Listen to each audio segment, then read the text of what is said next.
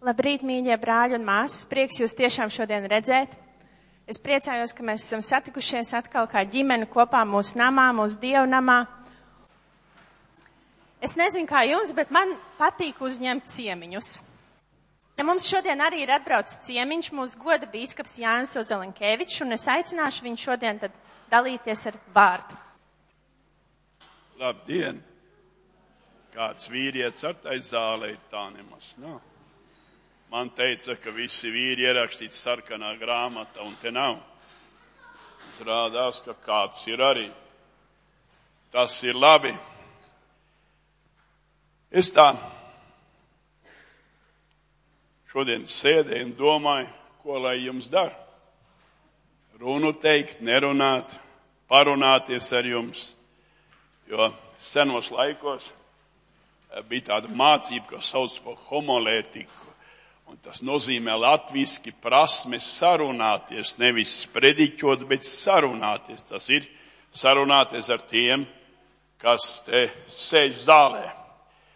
Es mēģināšu gan tā vai tā. Ja jums man nekas nesanāks, jūs paši būsiet vainīgi. Es jau noteikti nē. Jūs taču ziniet, kad mācītāji visi ļoti garīgi, svētīgi, tikai draudzi vienmēr tāda pasīva Ja jūs neesiet tādi, ne? Ak, Dievs, ko tad lai es daru? Es nezinu. Eh, man tagad jautājums jums tāds pa ceļām, kamēr es te vēl šķirstu bībeli, tikšu pie īstās rakstu vietas. Sakiet, lūdzu, jūs esat piedzimuši no augšienes? Pa īstam? Ah, baigi interesanti. Un kā tad jūs tālāk dzīvojat pēc tās dienas, kad jūs piedzimāt no augšienes? Ko?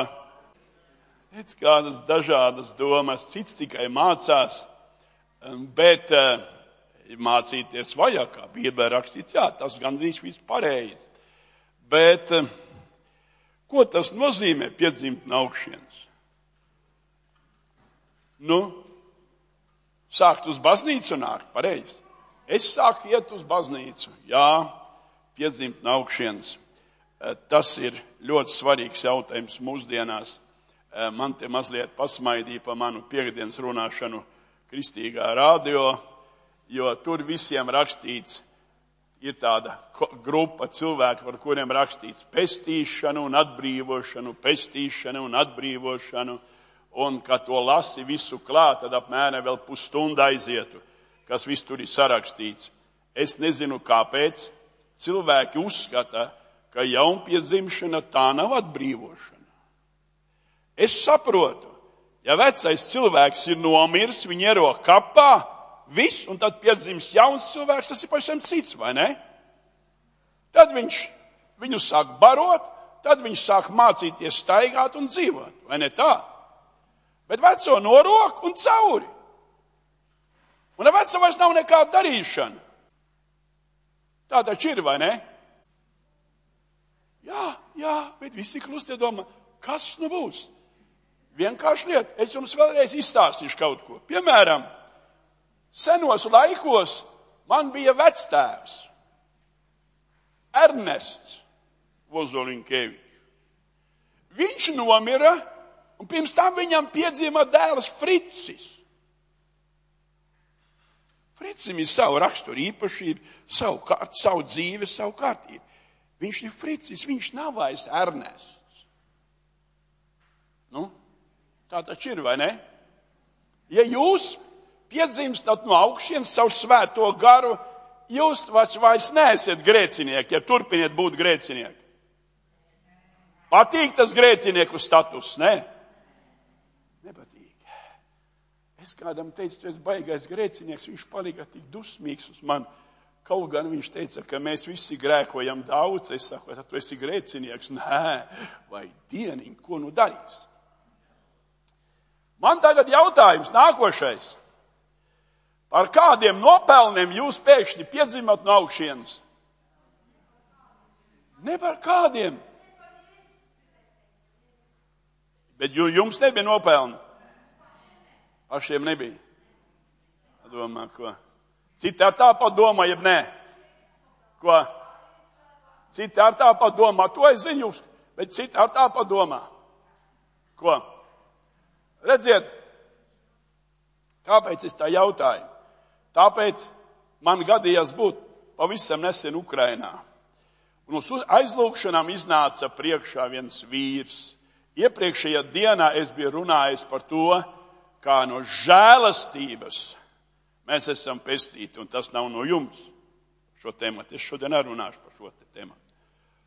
Un viņš atnāca, nostājās manā priekšā visā savā skaistajā izskatā un teica, mācītāji, es trīs reizes dienā Dievu lūdzu, es tik un tik reizes Bībeli lasu, es vairs neatceros, ko viņš viss stāstīja. Un viņam bija uzskats, ka tāpēc, ka viņš tā dara, Dievam ir noteikti kaut kas labs pie viņa jādara. Es teicu, cienītājs, jūs vakar bijāt dievkalpojumā. Jā, nu un tad? Es saku, jūs dzirdējat, ko es teicu? Viņš palika ļoti neapmierināts. Jo parasti, ko tad mēs gribam? Mēs gribam domāt un daudzreiz domājam, ka mēs esam pelnījuši. Jūs jau dzirdiet, ka rādio dzied dziesmu Eh, cik vērtīgs tu esi, jeb kā tur skan, es nezinu. Vērtīgs.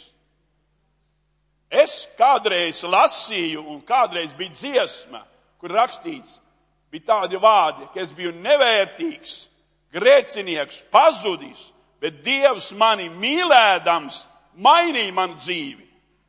Jo viņš mani mīl, viņš negrib grēcinieka nāvi. Tad, kad es uzskatu sevi par ļoti vērtīgu, tad es uzskatu un domāju, ka man pienākās. Un ja man pienākās, tad ir tā, kā krieviem tas teiciens, es iztulkošu Latvijas, kad jau daudz krievis nesaprot. Atdaini grešī, tas ir atdot un nekasies te. Man tas pienākās. Es kādreiz kādam vīram, jeb kādai dāmai parādīju trīspirkstu kombināciju. Kas man no Dieva pienākās, es viņai parādīju šitā viņa palika zila gandrīz. Tas ir nopietni. Vai man pienākas, vai tā ir žēlastība? Tad, kad es atnāku un par mani lūdz Dievu, un es saņemu dziedināšanu, tas man nepienākās, bet tā ir Dieva žēlastība. Tas, ka man, manā dzīvē, es esmu izmainīts pašos pamatos, tas nav mans nopelns. Tā ir žēlastība. Jūs esat kādreiz dzirdējuši, ne? Par tādiem mūža ieslodzītājiem, ieslodzītiem, kuri sēž cietumā. Viņam pēc zinām gadu nosēdēšanas ir tiesības rakstīt apžēlošanas rakstu. Un kā man kāds stāstīja, dažā rakstē ir rakstīts, ka es esmu cienīgs, ka mani atbrīvo pirms termiņa, noņem to mūža ieslodzījumu. Un tā parasti viņam nepiešķir atbrīvošana. Tad, kad viņš raksta savā apžēlošanas rakstā, es esmu vainīgs, atzīst savu vainu, un, ja tas ir iespējams, apžēlojiet mani. Tad viņi parasti apžēlo, ja viņš atzīst savu vainu. Nevis to, ka viņi saka, es jau esmu 15 gadus nosēdējis, pietiek, es jau esmu pelnījis, ka mani palaid. Jūs ziniet, Bībelē ir tādi vārdi rakstīti. Grēka alga ir nāve. Grēka alga ir nāve. Dieva žēlastība, Dieva mīlestība ir mūžīga dzīvošana. No kur laika tas sākās? Tagad es tā mazliet aiziešu vēsturi. Es smējos par to, ka es nesāku no Ādama un Ievas rakstu vietas.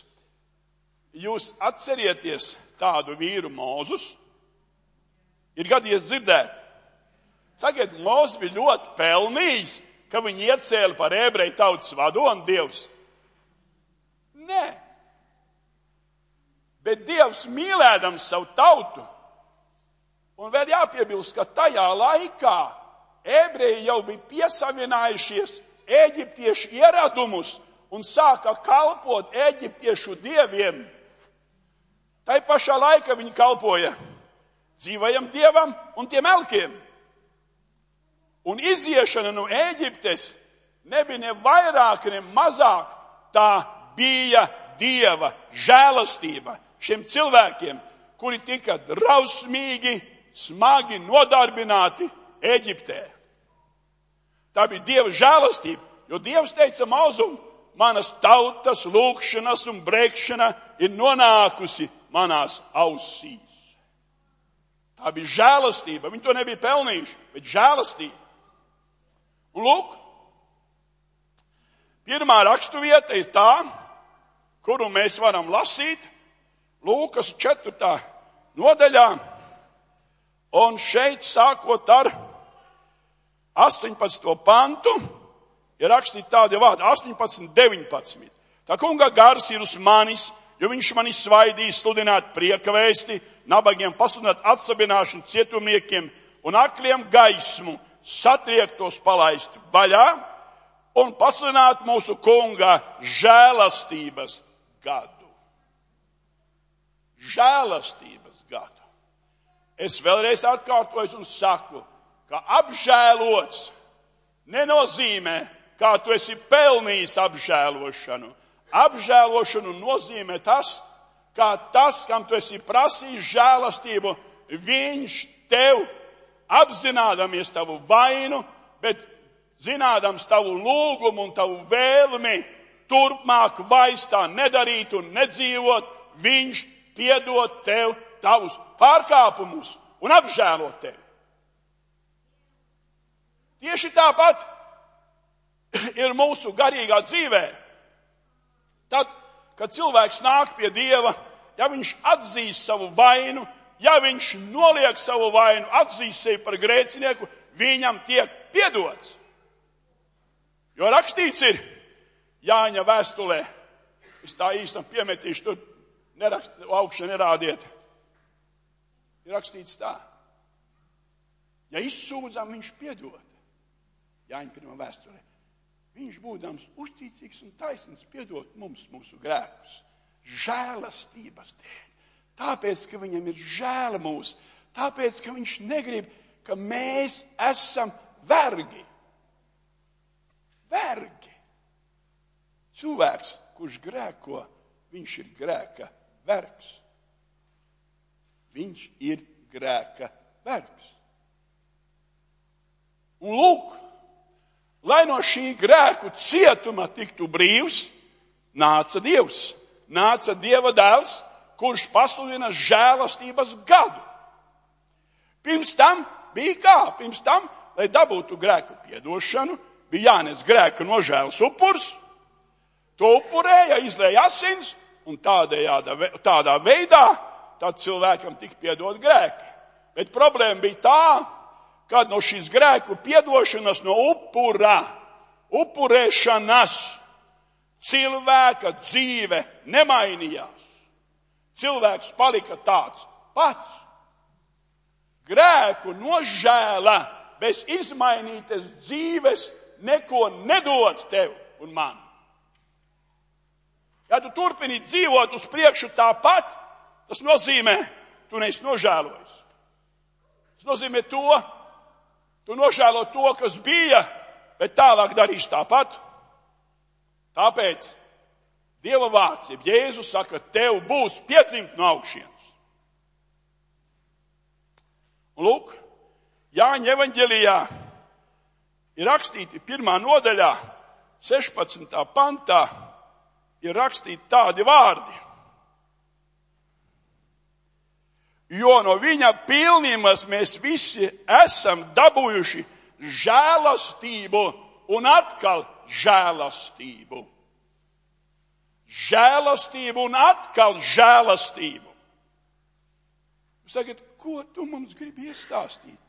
Es jums gribu iestāstīt, lai mēs, es tā teikšu tādu vienkāršu vārdu, kā jaunieši saka, lai mēs nelecamies, ka es esmu pelnījis es biju pelnījis nāvi.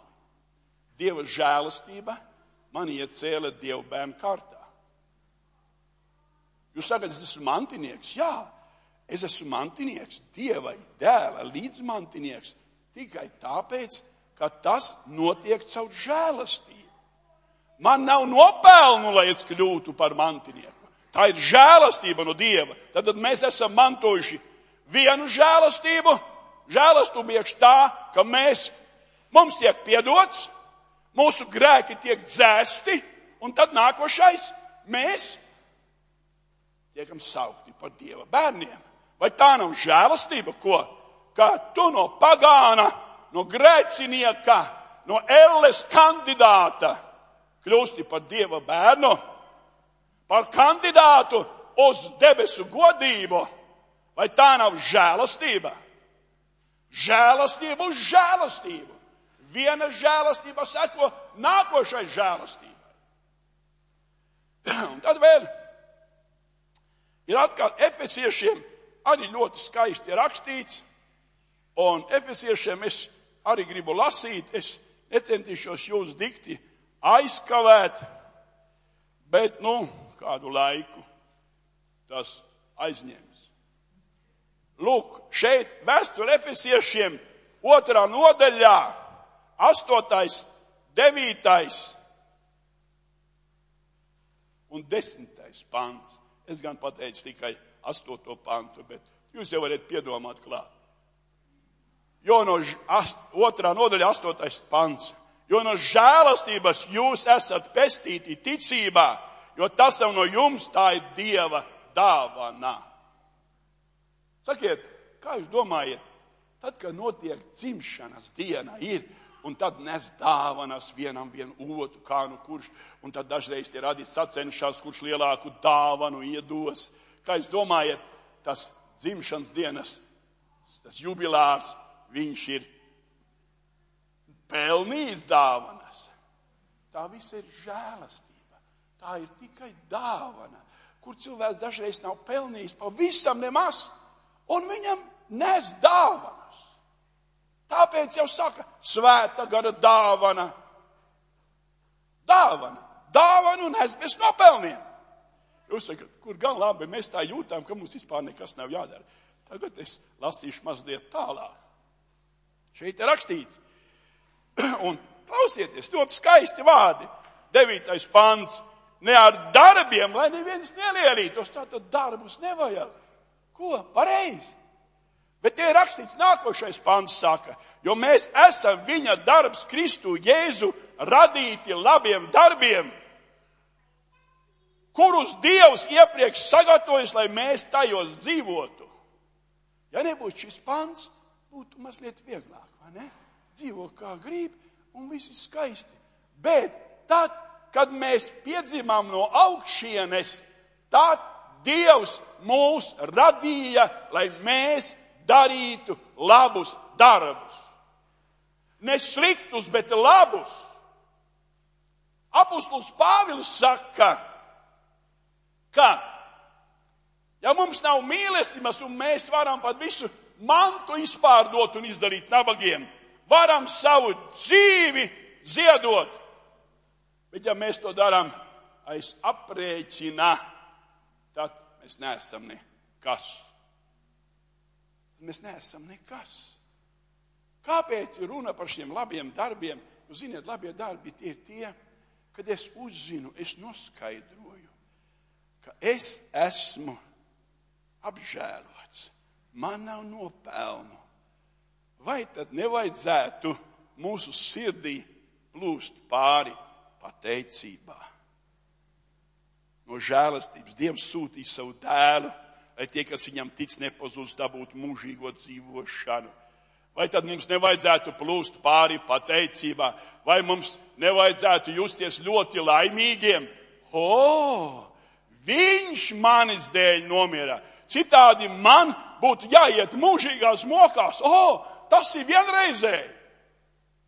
Kā es viņam varu atdarīt. Atdarīt var ļoti vienkārši. Mīli viņu un mīlestībā dari labus darbus. Un saproti, kā tiem tu neko nenopelni. Tu tos dari pateicībā.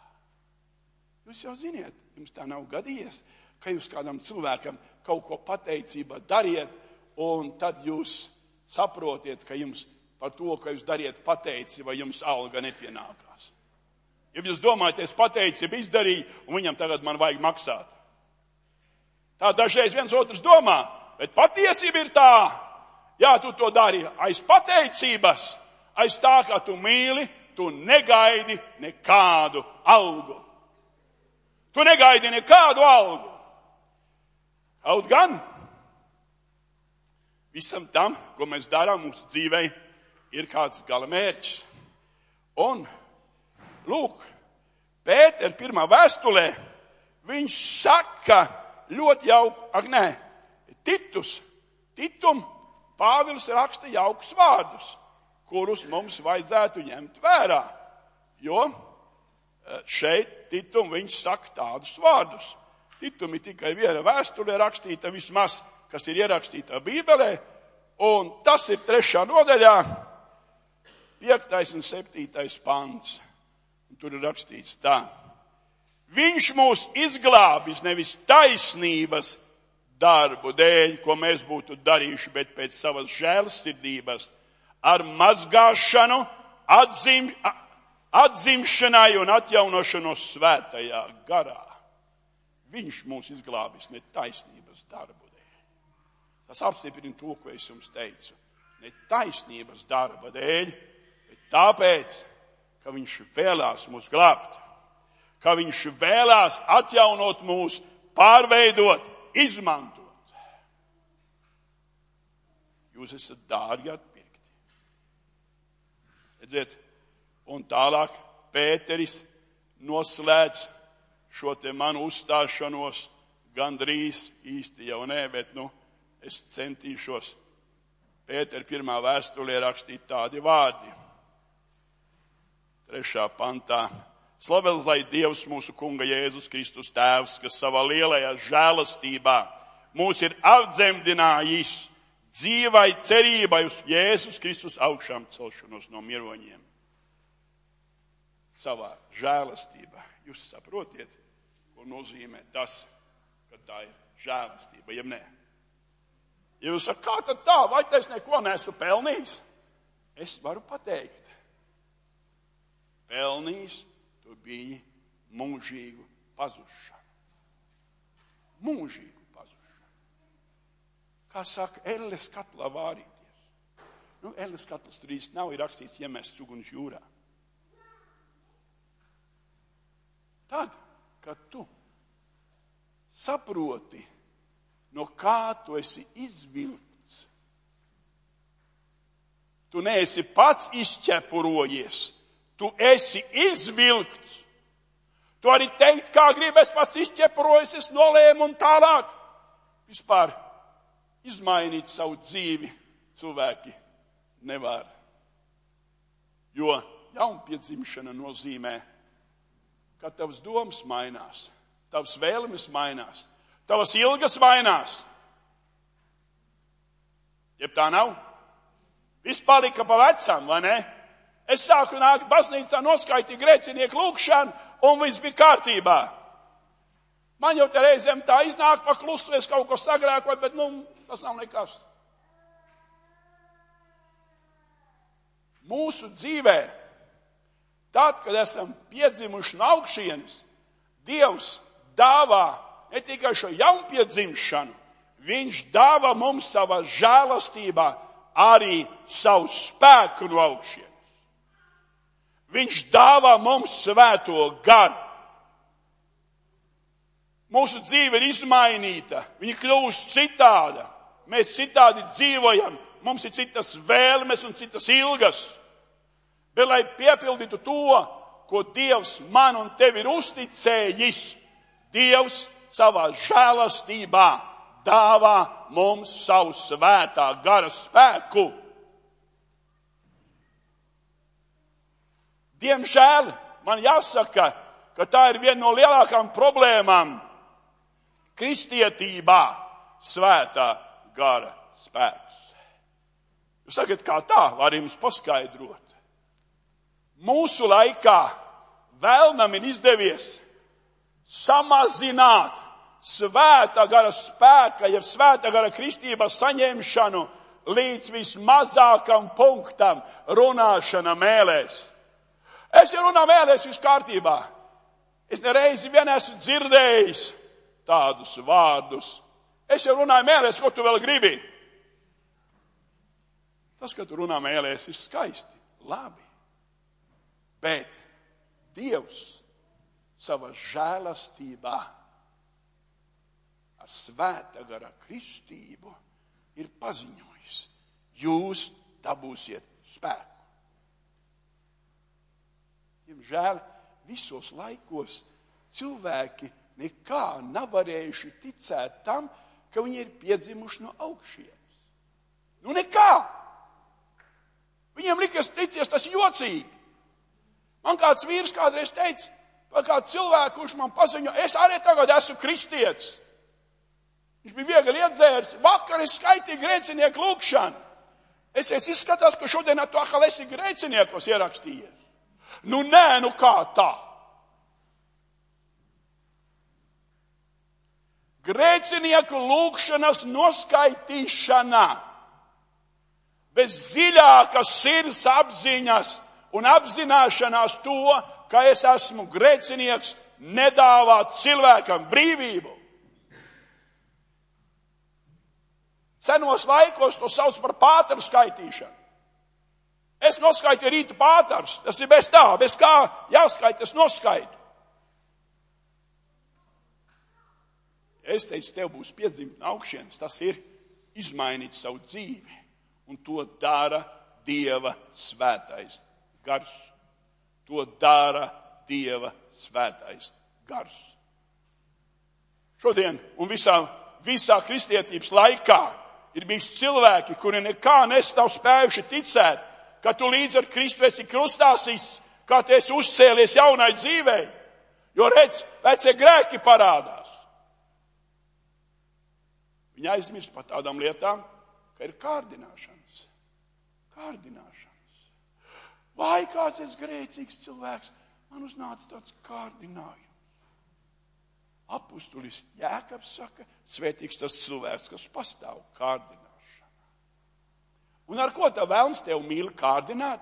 Viņš tev kārdina ar to, kāds grēks tev kādreiz bijis. Viņš pienāk un pienes tev. Nekas jau nav, tas jau jā. Un tad viņš tevi kārdina. Jūs, jūs sakat, jā, pareizi tā ir, bet gribu ko citu teikt.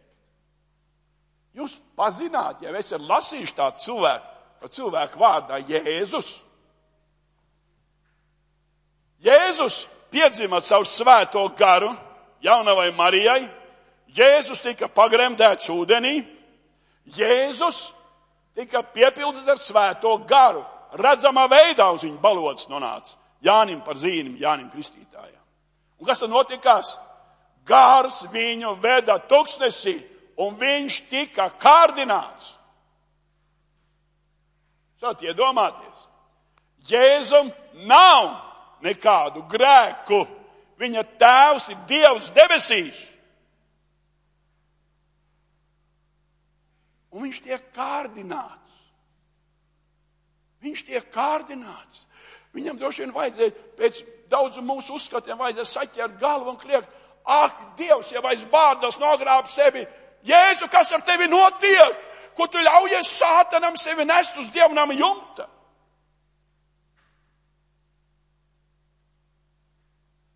Jēzus tika kārdināts.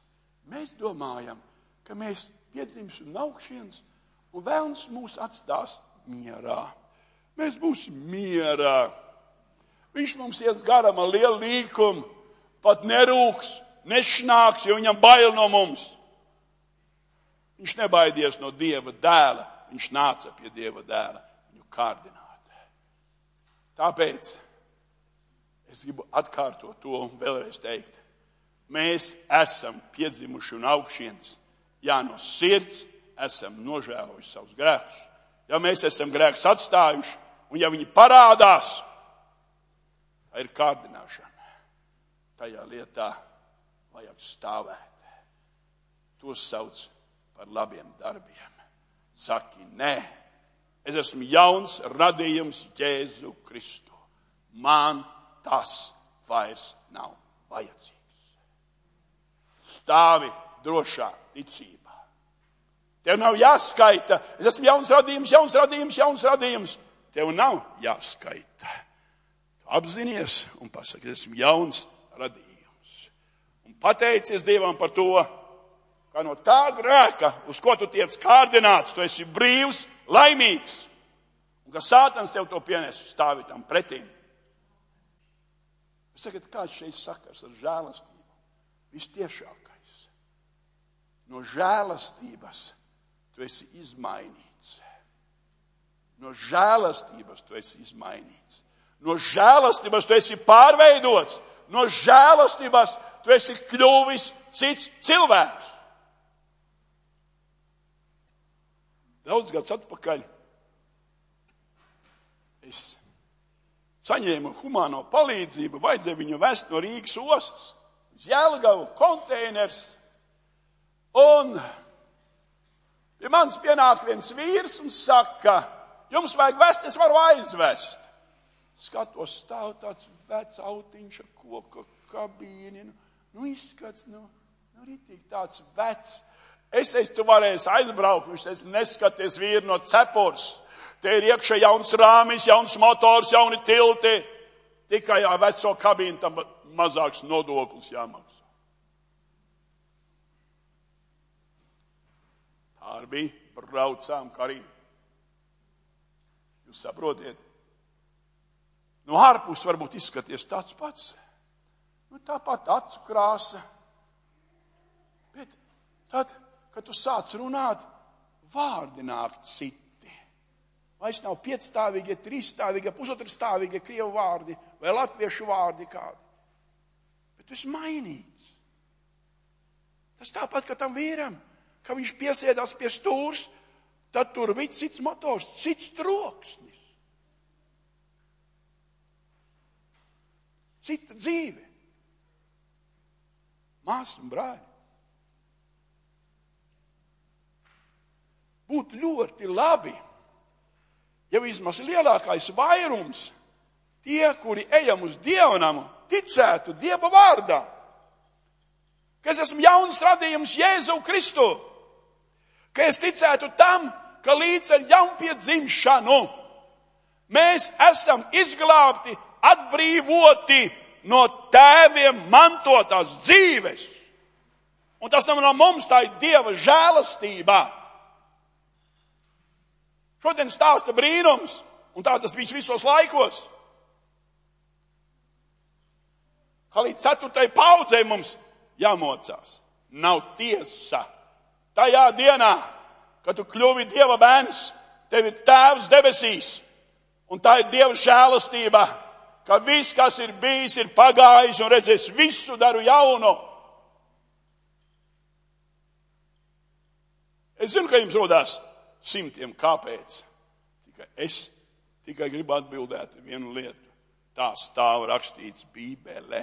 Nevis jūsu kāpēc vai mans tāpēc, bet tāpēc, ka tā ir rakstīts Bībelē. Ja kāds cilvēks Oi, tur ir tāda raksturvieta, es mirstu ikdienas. Jā, katru rītu es varu teikt, es esmu jauns radījums, vecais ir pagājis, vecais ir miris. Es katru rītu apzinos, ka esmu jauns radījums Jēzu Kristu. Un nekā savādāk. Starp citu, Pāvils to runā nevis par grēku dzīvi, viņš runā to, ka viņam ir tik grūti apstākļi, ka viņš ir gatavs mirt Kristus vārdu dēļ ikdienas. Es to esmu papētījis Bībelē. Bet, nu, lai jau, lai jau tiem, kam dikti gribās tiek. Māsas un brāļi, es, es skatos uz to galdu, un ticiet vai neticiet, man rodās tāds interesants jūtas.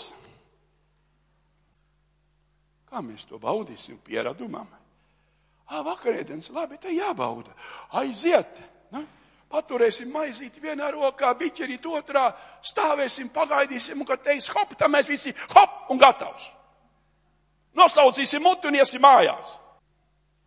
Ziniet, daži satraucās, ka es saku, ka tā būs savienošanās ar Kristus miesu un asinīm. Ak, Dievs! Tas taču nav Kristus asins un Kristus miesa. Es nezinu, bet, bet Jēzus tajā naktī, kad tapa nodots, ņēma maizi, pateicās un pārlauza un sacīja, ņemiet, ēdiet, tā ir mana miesa. Viņš neteica, tā simbolizē manu miesu. Es esmu strikti šajā jautājumā saku tā. Viņš neteica, tā simbolizē. Viņš saka, tā ir mana miesa. Tāpat par kausu teica, tas kaus ir jaunā derība manās asinīs.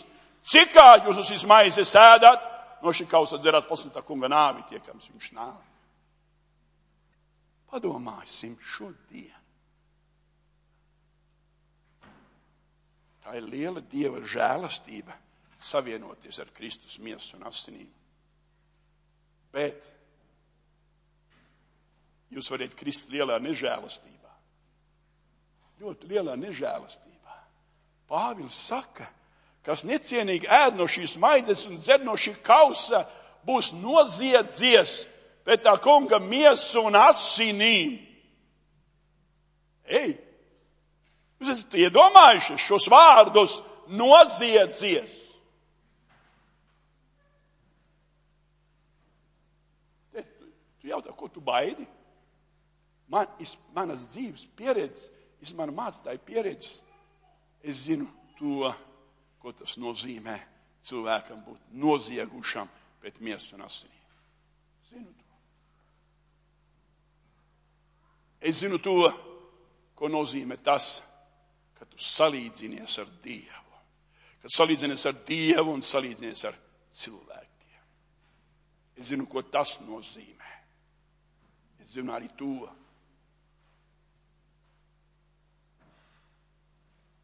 Kādreiz senos laikos mans tēvs teica tā, piecas minūtes pārtraukums, salīdzinieties savā starpā un salīdzinieties ar Dievu. Jocīgi, vai ne? Saku, ja nav, tas, ar ko jums vajag salīdzināties šeit, tad pieņemiet lēmumu pirmā gadījumā satapties ar viņu izlīdzināties. Ja nē, neizstiepiet savu roku. Jā, tu uzskati, kā tu esi ļoti vērtīgs, un Dievs tevi kā ļoti vērtīgu mantu nopirka, tad uh, es padomā par prātu, ko tu domā. Jēzus teica citu līdzību. Jēzus teica līdzību, ka debesu valstība ir līdzināma bagātam cilvēkam, kurš atrada kādā laukā dārgu pērli. Un ko tad viņš darīja? Viņš ņēma, pārdeva visu un pirka šo tīrumu. Debesu valstība ir liela vērtība mums.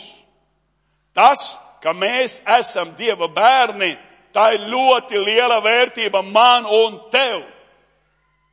Mēs to nespējam aptvert. Bet es tev gribu sacīt, māsa un brāli.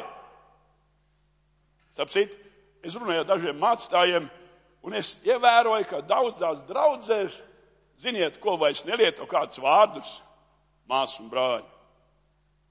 Mīļā draudzene saka, dārgie klausītāji. Es vienam uzdevu jautājumu, kāpēc tu to saki. Viņš teica, es jau nezinu, vai tie mani draugi ir jaunpiedzimuši vai nav. Es jums gribu sacīt, dārgās māsas un mīļie brāļi. Atceries, Dievs visu redz un Dievs visu zina. Un šodien, pirms mēs tuvosimies tam mīlestam, gribu jums sacīt, tev ir pietiekoši daudz laika, lai teiktu, Tēvs, piedod. Jēzus vārdā Tēvs un baudīt ar priecīgu sirdi, apzināties, ja viņš man ir piedevis, viss ir kārtībā, un es esmu jūtos laimīgs. Es jūtos laimīgs, savienojoties ar Kristus miesu un asinīm. Es jūtos laimīgs. Man nav jāiet mājās un jādomā, palikšu slims vai nepalikšu. Ej, nu zini, kā tur bija. Dieva vārds saka, ja mēs izsūdzam, viņš piedod. Skatos, ka es esmu maz laika aizņēmis, ko nu darīs. Tikai 12. Es jums jau dažus teikumus pateikšu, un es tūlīt beigšu kāpšanos. Tie ļoti ērti noiešana, mēs teikdamies aiziet. Ziniet, ko es jums gribu teikt? Mēs ļoti daudz cilvēku slimojam. Slimojam, slimojam. Mēs lūdzam par viņiem. Ļoti daudz mūsu tuvinieku ir smagi slimi ar grēku. Grēks tā ir slimība, tā ir kaite, kuru var dziedināt tikai Jēzus upuris. Un Bībelē rakstīts, Daudz spēja taisna cilvēka lūkšana darbodamies savā spēkā. Jūs tas neinteresē, lai būtu jūsu tuvinieki, lai jūsu dēli un meitas, vīri un sievas kļūtu par dieva bērniem, ir ļoti svarīgs moments būt taisnam dieva priekšā. Daudz spēja taisna cilvēku lūkšanu darbodamies savā spēkā taisnoti Jēzus asinīs. Āmen. Vēl ko vajadzēja teikt, ne? Viss bija. Labi, paldies. Es jau, ziniet, es tā vienmēr smējos. Es tagad varu atļauties izteikties daudz vairāk un labāk, jo es esmu pensionārs. Jums varbūt liekas sliktāk, vai ne? Bet man ļoti žēl redzot to, kas šodien notiek pasaulē, šodien notiek kristietībā Un es esmu redzējis daudz vairāk, ne tikai runāšanu mēlēs. Es kādiem cilvēkiem Ukrainā, viņi man jautāja, kā sākās atmoda. Un tā, kad es viņam sāku stāstīt, un izstāstīju visu līdz galam, kā sākas atmoda Tallinā, viņi saviebās, tā ka viņam zobs sāpēt. Varbūt sāpēja arī, es nezinu. Ziniet, kāpēc?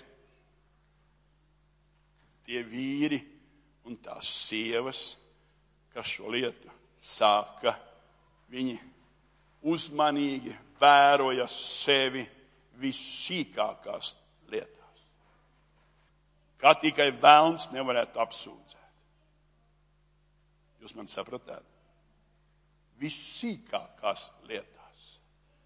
Un parasti ir tā, ho, mēs tagad lūksim, mēs nakti lūksim, dienu lūksim, vēl vienu dienu, un tad jau būs.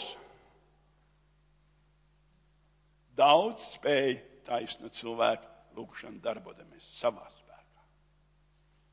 Tā ir rakstīts. Apustulis Jēkabs tā raksta. Tātad, ja tu vēlies garīgu pamošanos savā dzīvē, ja tu vēlies pamošanos garīgu savā ģimenē, esi taisns Dievu priekšā. Lai Dievs mūs uz to svētī. Amen.